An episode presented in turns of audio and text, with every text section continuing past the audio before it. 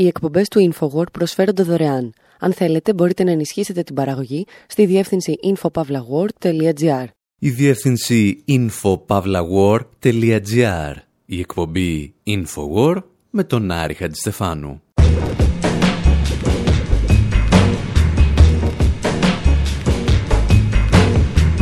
Όπου σήμερα ξεφυλίζουμε τα βιβλία που διάβαζε ο Ιαν Κέρτης στον Joy Division.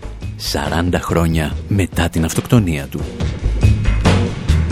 Αναζητούμε τον Κάφκα και τον Γκόγκολ στα τραγούδια του και αναρωτιόμαστε γιατί ο Μπάροους δεν του χάρισε ένα ρημάδο βιβλίο εκείνη τη μέρα που συναντήθηκαν.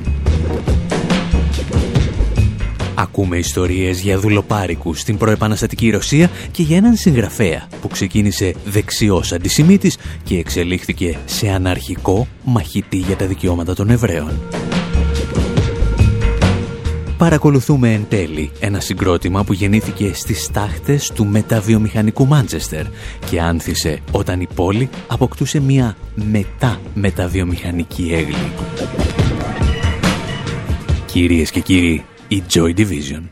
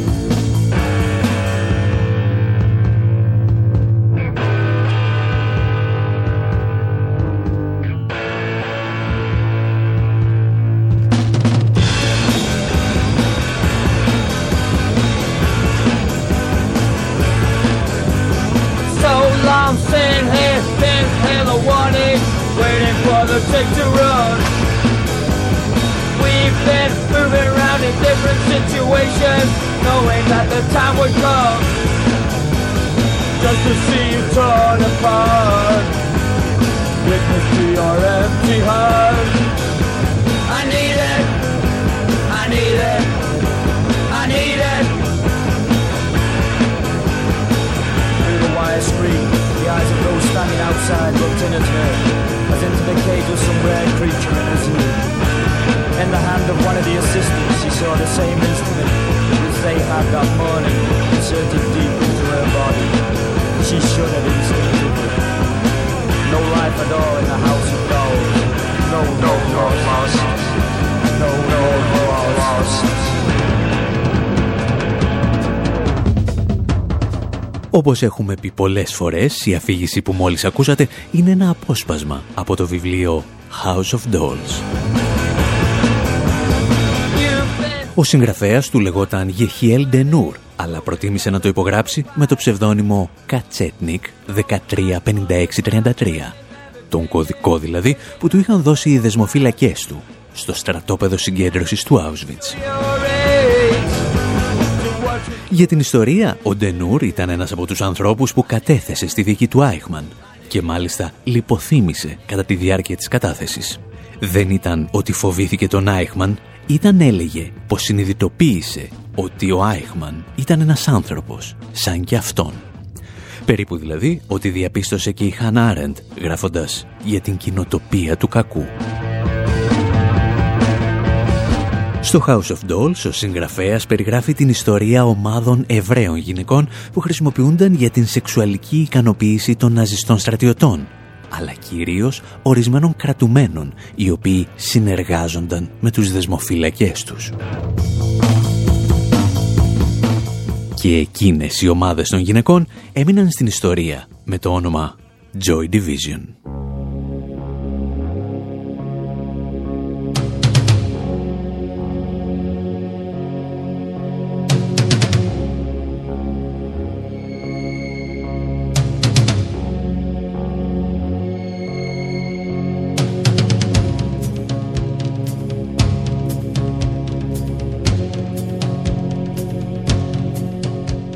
Ερευνητές υποστηρίζουν βέβαια ότι το βιβλίο House of Dolls αποτελεί προϊόν φαντασίας, ενώ άλλοι αναφέρουν ότι προσεγγίζει επικίνδυνα και την πορνογραφία. Το βέβαιο είναι ότι ίσως αρκετοί να μην γνώριζαν αυτές τις λεπτομέρειες εάν μια ωραία πρωία κάποιος δεν είχε δανείσει ένα αντίτυπο του βιβλίου σε έναν κιθαρίστα από το Μάντσεστερ τον Bernard Summers. Some guy at work gave me a, a couple of books. One was called House of Dolls. Ένας τύπος από τη δουλειά μου μου έδωσε μερικά βιβλία. Και ένα από αυτά έχει τον τίτλο House of Dolls. Ήξερε ότι είχε κάποια σχέση με τους Ναζί, αλλά δεν το διάβασα. Απλώς το ξεφίλησα. Ήταν ο οίκος ανοχής που χρησιμοποιούσαν οι στρατιώτες. Αμέσως σκέφτηκα, αυτό είναι πολύ κακόγουστο, αλλά κατά βάθος είναι punk. Σε όποιον έλεγα λοιπόν το όνομα, μου απαντούσε αυτό είναι φανταστικό όνομα για συγκρότημα.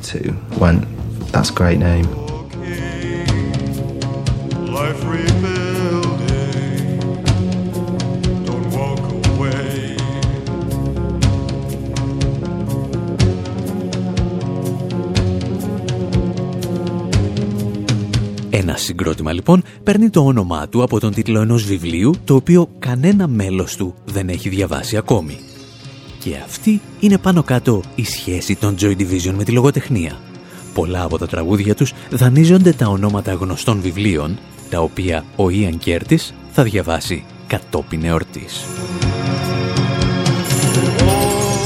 Πριν περάσουμε όμως στην παρουσίαση αυτών των βιβλίων, απαιτείται να πούμε μερικές ακόμη κουβέντες για τη δημιουργία των Joy Division. Μια ιστορία που ξεκινά στις 20 Ιουλίου του 1976 σε μια συναυλία. Και να φανταστείτε δεν ήταν καν δική τους. Ήταν των Sex Pistols.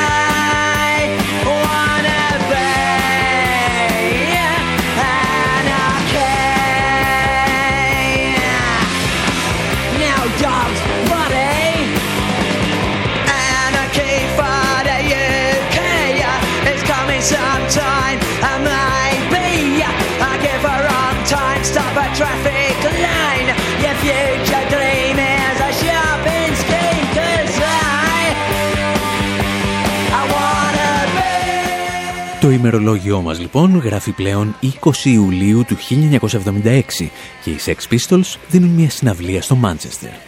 Ίσως η μεγαλύτερη αποτυχία της καριέρας τους.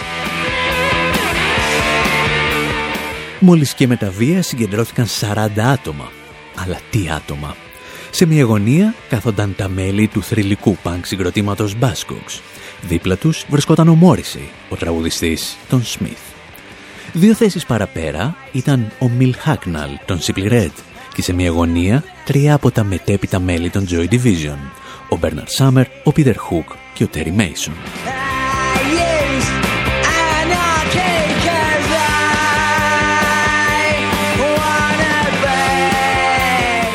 Το επόμενο πρωί, ο Χουκ πήγε στη μαμά του, δανείστηκε 35 λίρες και αγόρασε το πρώτο του μπάσο. Λίγο αργότερα, ο Σάμερ πήρε μια ηλεκτρική κιθάρα και ο Μέισον αγόρασε drums. Το μόνο που τους έλειπε ήταν μια σκοτεινή φωνή. Έβαλαν λοιπόν μια αγγελία και εμφανίστηκε κάποιος Ιαν Κέρτης. Ένα γλυκό αγόρι που μόλις είχε παντρευτεί. Πιθανότατα μάλιστα να είχε στο σαλόνι του σπιτιού του εκείνη τη θλιβερή φωτογραφία. Ντυμένος γαμπρός με μπέζ κουστούμι και λευκή γραβάτα.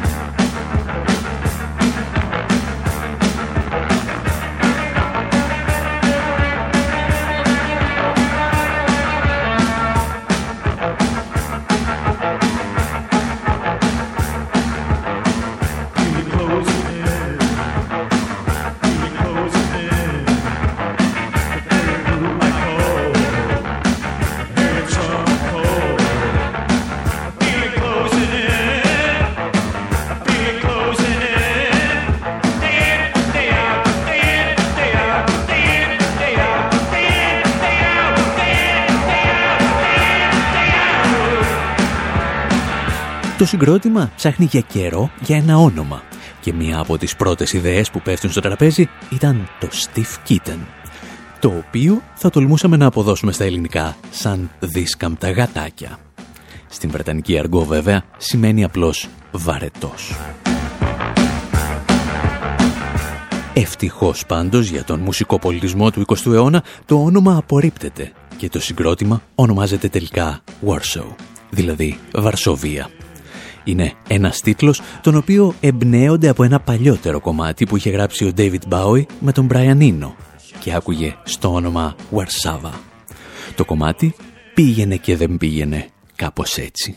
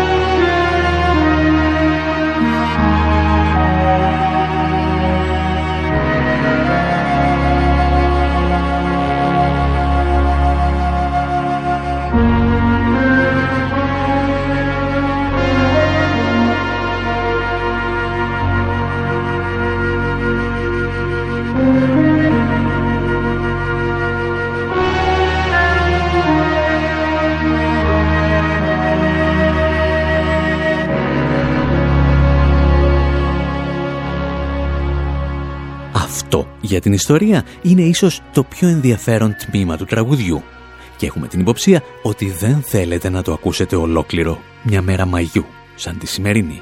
Γι' αυτό σας επιστρέφουμε αμέσως στους μελλοντικούς Joy Division και μετέπειτα New Order που ακόμη ονομάζονται Βαρσοβία.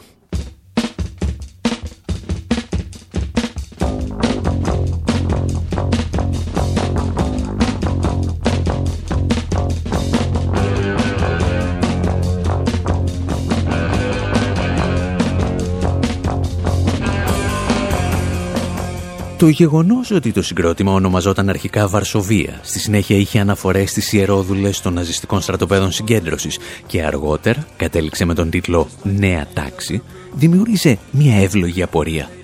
Παιδιά, μήπως είστε κρυφοναζιστές. Μην είστε ανόητοι, απάντησαν η Warsaw, η Joy Division, η New Order στους δημοσιογράφους. Δεν είμαστε νεοναζιστές.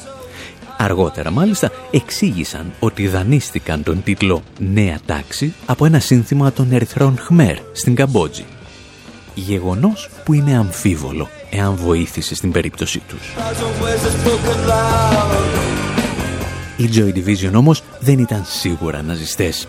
Ήταν απλώς τα παιδιά του Μάντσεστερ. Ήταν οι άνθρωποι που καλούνταν να διαχειριστούν τη συλλογική μιζέρια ενός παρικμασμένου βιομηχανικού κέντρου. Μέσα σε αυτή τη μιζέρια αγόραζαν όμως και κάτι σκοτεινά βιβλία, τα οποία ο Ιαν Κέρτης διάβαζε με σχεδόν επαγγελματική αφοσίωση. Τα διάβαζε στο δωμάτιό του, το οποίο είχε βάψει μπλε από το ταβάνι μέχρι το πάτωμα. Και από εκείνα τα διαβάσματα προέκυπταν τραγούδια με λογοτεχνικές αναφορές όπως το Dead Souls. Το ακούμε και επανερχόμαστε.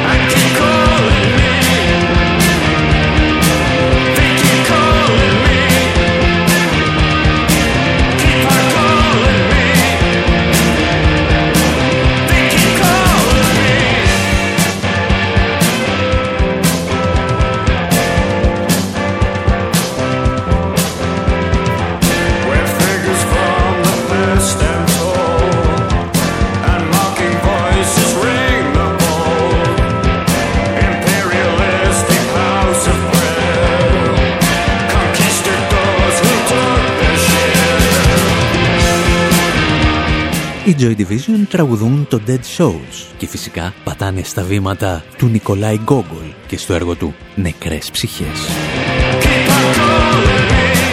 Το τραγούδι περιγράφει μάλλον απλώς την ταραγμένη ψυχολογική κατάσταση στην οποία βρισκόταν ο Ιαν Κέρτης σε ανύποπτο χρόνο όμως προσθέτει και δύο κουβέντες για τις εκκλησίες που χρησιμοποιούν οι υπεριαλιστές στις χώρες που κατακτούν, αλλά και στους κονκισταδόρες που πήραν όπως λέει το δικό τους μερίδιο στην ιστορία. Και αυτές οι αναφορές στην απικιοκρατία και τις απικίες είναι ένα μοτίβο που επανέρχεται συνεχώς στο έργο των Joy Division. Τώρα, το εάν το τραγούδι είναι τελικά πολιτικό ή όχι, είναι εξίσου αμφιλεγόμενο όσο και το ομότιτλο έργο του Γκόγκολ.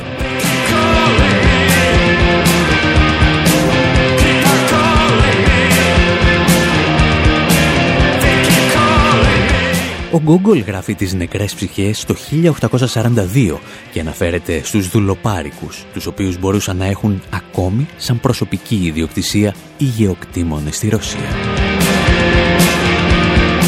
Νεκρές ψυχές ήταν οι δουλοπάρικοι που είχαν πεθάνει, αλλά για κάποιο λόγο παρέμεναν στα μητρώα της πόλης. Και αυτές τις νεκρές ψυχές αγόραζε ο βασικός ήρωας του βιβλίου για να στήσει μια μεγάλη λογιστική απάτη. Έχουν όλα αυτά οποιαδήποτε σχέση με το τραγούδι των Joy Division? Την παραμικρή. Ίσως γιατί όπως είπαμε ο Ιαν Κέρτης πρώτα δανειζόταν στοιχεία για τους τίτλους των τραγουδιών του και διάβαζε το βιβλίο μόνο όταν είχε ολοκληρώσει το τραγούδι. Πάντως, οι κακές γλώσσες λένε ότι η ιστορία από το βιβλίο του Γκόγκολ ενδέχεται να μην ενδιέφερε ούτε τον ίδιο τον Γκόγκολ. Όταν διάβασε το βιβλίο, ο Ναμπόκοφ αποφάνθηκε ότι η πλοκή δεν έχει καμία σημασία. Ήταν απλώς το μέσο που χρησιμοποιούσε ο Γκόγκολ για να δημιουργήσει μια σκοτεινή ατμόσφαιρα. Περίπου δηλαδή ό,τι έκαναν και οι Joy Division. Εμείς πάλι θα διακόψουμε για λίγο τους Joy Division με περισσότερους Joy Division και επιστρέφουμε με περισσότερα αναγνώσματα του Ιαν Κέρτης.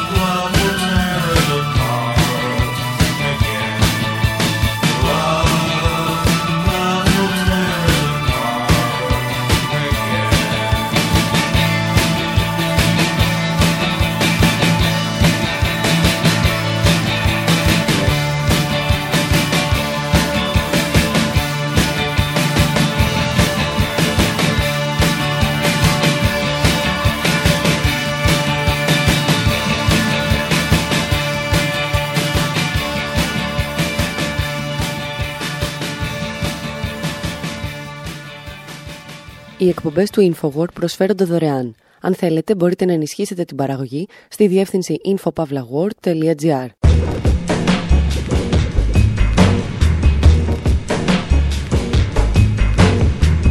Εκπομπή InfoWord, μέρος δεύτερο. Όπου ξεφυλίζουμε μαζί σας τα βιβλία που ενέπνευσαν τον Ian Curtis στον Joy Division να γράψει ορισμένα από τα τραγούδια του ή τουλάχιστον τους τίτλους των τραγουδιών του. Πέρασαμε από το House of Dolls στις νεκρές ψυχές του Γκόγκολ και τώρα θα επισκεφτούμε την σοφρονιστική απικία του Κάφκα με μια μικρή, αχρίαστη ενδεχομένως στάση στην καρδιά του σκότους, του Κόνραντ.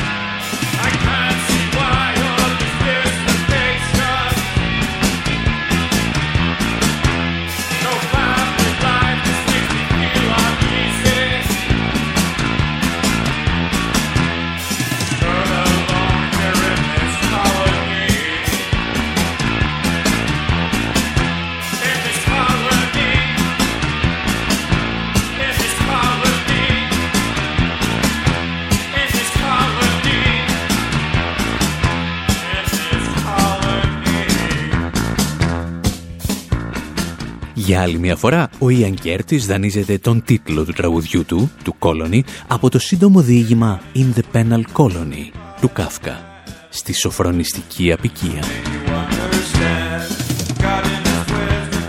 Αυτό τουλάχιστον ισχυρίζονται αρκετοί από τους βιογράφους τους και τους δημοσιογράφους που γράφουν για αυτόν.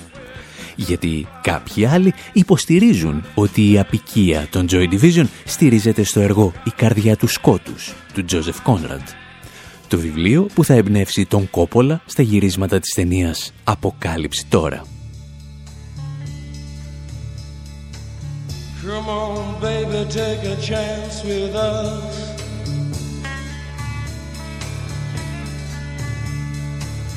Come on, baby, take a chance with us. Και ενώ είναι βέβαιο ότι οι Doors επηρέασαν τους Joy Division, εμείς υιοθετούμε την άποψη ότι το τραγούδι Colony δεν αντλεί την έμπνευσή του από την καρδιά του σκότους, αλλά από τη σοφρονιστική απικία του Κάφκα.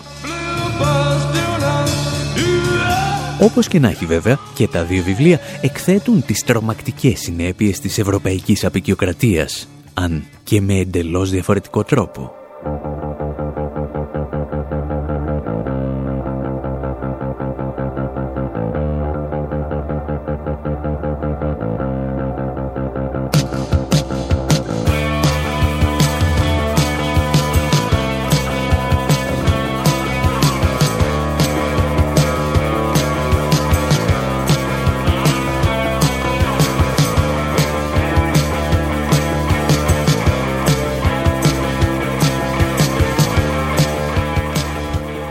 Η σοφρονιστική απικία είναι γραμμένη, όπως και η δίκη του Κάφκα, στις απαρχές του Πρώτου Παγκοσμίου Πολέμου και συγκεκριμένα το 1914.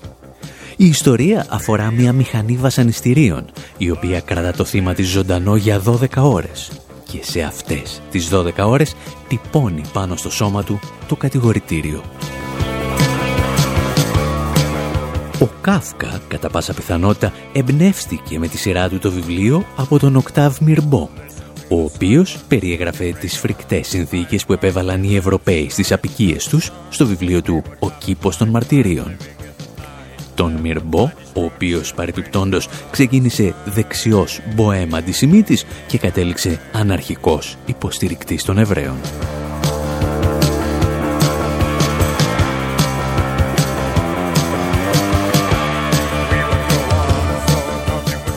Για την ιστορία, οι Joy Division και ο Ian Curtis δεν είναι ούτε οι πρώτοι ούτε οι τελευταίοι που μαγεύονται από την σκοτεινή και σκληρή ιστορία του Κάφκα στη σωφρονιστική αποικία. Ο Φίλιπ Γκλας θα γράψει μια όπερα εμπνευσμένος από το βιβλίο, ενώ ο Φρανκ Ζάπα έλεγε ότι έπρεπε να έχεις διαβάσει το έργο αν ήθελες να ακούσεις το τραγούδι του «The Chrome Plated Megaphone of Destiny» το οποίο παρεπιπτόντος είναι απλώς μία σειραφή από κακούς ήχους. Οπότε, αν έπρεπε να επιλέξετε, θα σας προτείναμε να διαβάσετε το βιβλίο και να μην ακούσετε το τραγούδι. Εμείς πάλι συνεχίζουμε το λογοτεχνικό μας περίπατο στο έργο των Joy Division με μία έκθεση ομοτήτων, το βιβλίο του James Ballard.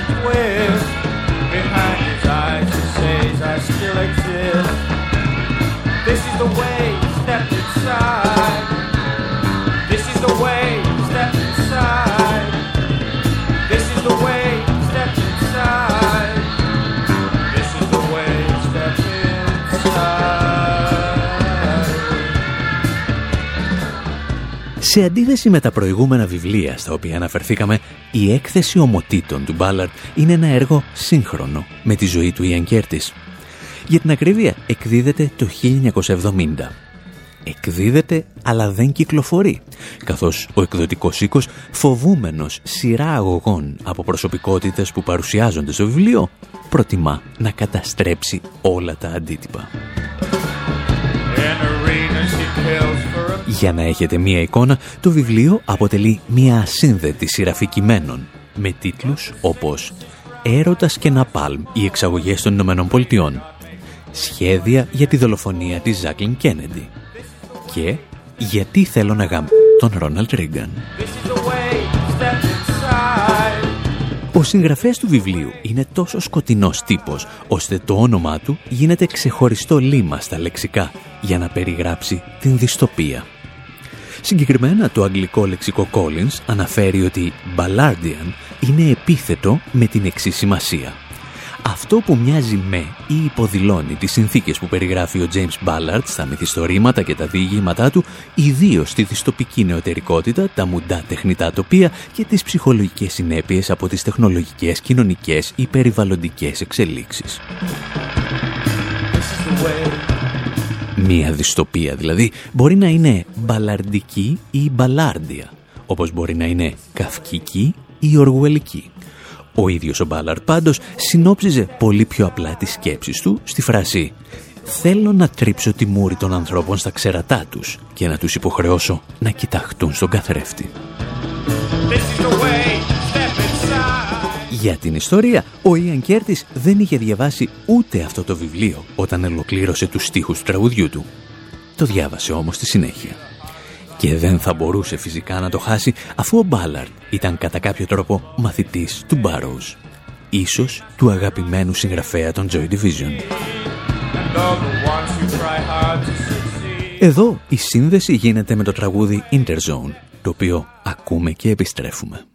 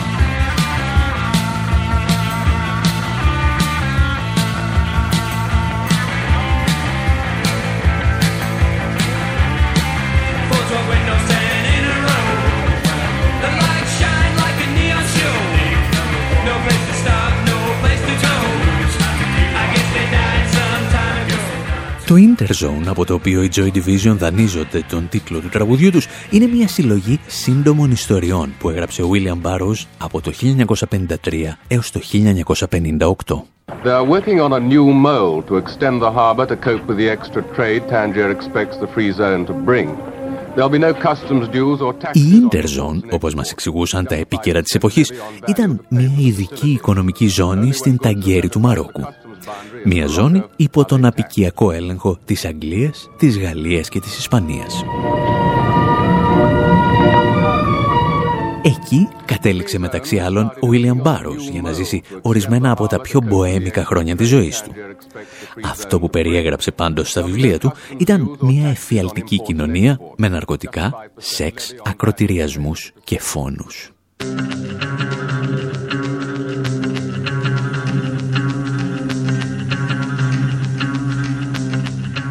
Για την ιστορία και πάλι, το βιβλίο Interzone του Μπάρος που ενέπνευσε τους Joy Division περιλαμβάνει μια αναφορά στη σοφρονιστική απικία του Κάφκα, που επίσης επηρέασε τους Joy Division.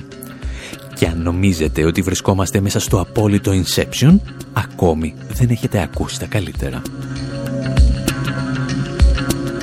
Ο Ιαν Κέρτης θα είχε μια αποκλειστική ευκαιρία στη ζωή του να γνωρίσει το ενδαλμά του, τον William Burroughs, στην παρουσίαση ενός βιβλίου του τελευταίου στη Γαλλία. «Θα του ζητήσω να μου δώσει δωρεάν ένα βιβλίο του», είπε ο Ιαν Κέρτης. Και ύστερα τον πήρε ο διάολος.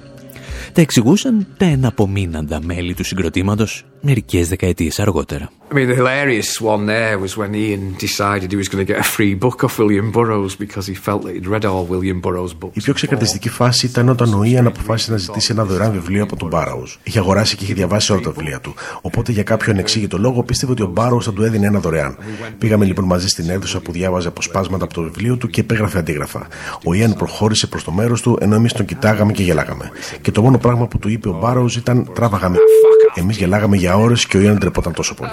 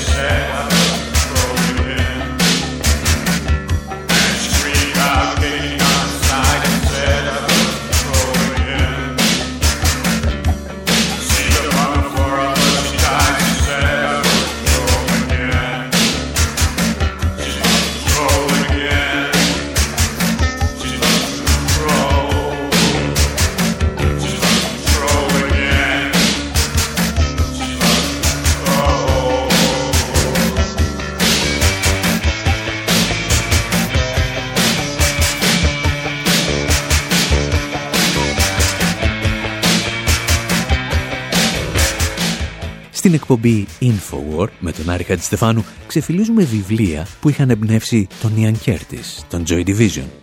Και το κάνουμε 40 χρόνια από τη στιγμή που ο ίδιος έδωσε τέλος στη ζωή του. Ο Ιαν Κέρτης θα δανειστεί αρκετές από τις πιο σκοτεινές στιγμές του Ντοστογεύσκη και του Αλμπερ Καμί. Άλλες φορές όμως η έμπνευση ερχόταν από την πολύ πιο πεζή και τραγική καθημερινότητα όπως το She's Lost Control που ακούμε. Ο Ιαν Κέρτης, βλέπετε, ήταν ένας δημόσιος υπάλληλος. Για την ακρίβεια, ήταν υπεύθυνος σε μια υπηρεσία πρόνοιας, ώστε άτομα με ειδικές ανάγκες να παίρνουν τα επιδόματα που δικαιούνταν από το Βρετανικό κράτος. Χωρίς να το γνωρίζει, έκανε όλα όσα ήθελε να καταργήσει μερικά χρόνια αργότερα η Μάρκαρτ Θάτσερ και από εκείνη τη θέση γνώρισε κάποτε μια κοπέλα με κρίσεις επιληψίας. Ιστορίες που διηγούνταν ο Πίτερ Χουκ από το συγκρότημα. She's lost control was about a girl Το She's Lost Control γράφτηκε για μια κοπέλα. Όταν ο Ιαν εργαζόταν στην υπηρεσία πρόνοια, αυτή ήρθε να τον βρει. Ο Ιαν τη συμπάθησε πολύ και προσπάθησε να τη βοηθήσει, αλλά μια μέρα αυτή πέθανε από μια κρίση επιληψία. Ήταν σοκ για αυτόν. Και όλα αυτά συνέβησαν πριν διαγνωστεί και αυτός με επιληψία. Το τραγούδι λοιπόν το έγραψε για αυτήν. She's lost control about her.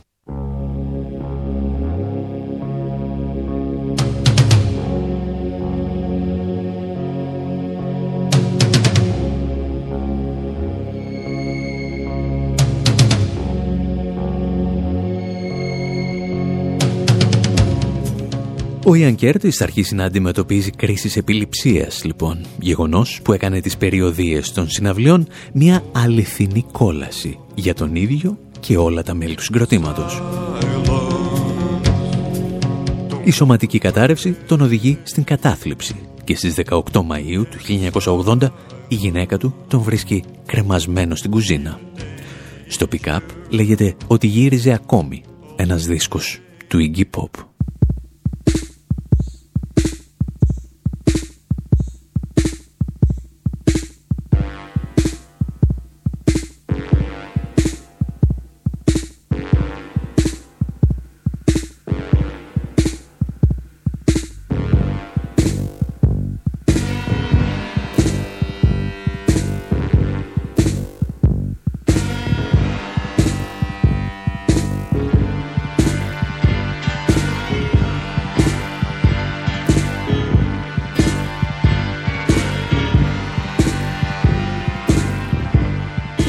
Τα υπόλοιπα μέλη του συγκροτήματος θα συνεχίσουν την καριέρα τους, αφού μετονομαστούν πρώτα σε New Order.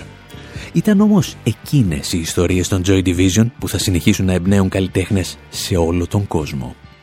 Όπως τον κύριο Μόμπι. I guess I was around 14 or 15 when I first discovered Joy Division and Νομίζω ήμουν 14 ή 15 χρονών όταν ανακάλυψα τους Joy Division και ο Ιαν Κέρτις έγινε αμέσως ο καλύτερος μου φίλος.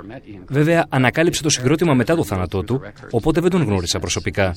Με συγκλώνησε όμως ο χαρακτήρας του που αποκαλύφθηκε μπροστά μου μέσα από τους δίσκους του. Η ειλικρίνειά του και το γεγονός ότι μετέτρεπε σε αρετή, το γεγονός ότι δεν ήταν εμπορικός και θεωρούνταν outsider.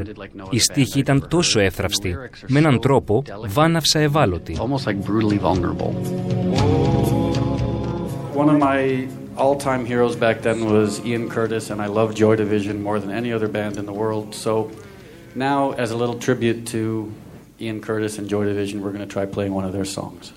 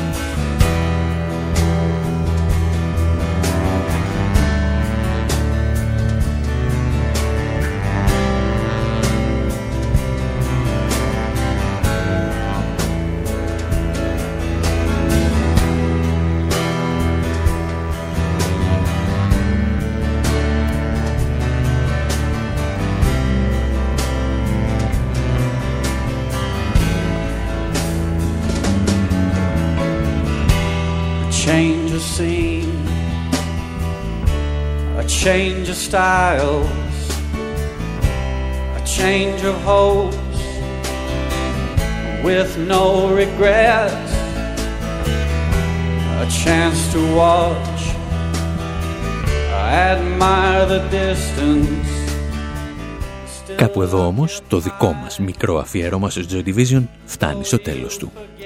Τα περισσότερα ηχητικά αποσπάσματα των μελών του συγκροτήματος που ακούσατε προέρχονται από το ομώνυμο ντοκιμαντέρ του 2007 σε σκηνοθεσία του Grand G.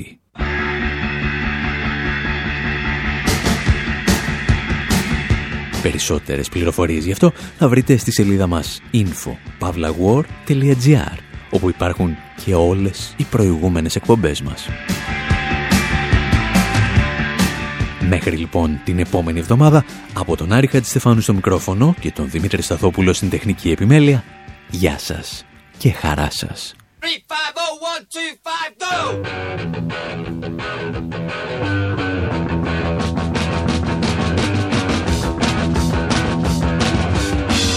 I was there in the backstage when this light came around. I grew up not a changeling, See the weakness, I could pick all the faults, but I could see all the fake tests Just a stick in your throat. BYG. BYG. BYG. Hung around in your soundtrack to mirror all that you've done. To find the right sound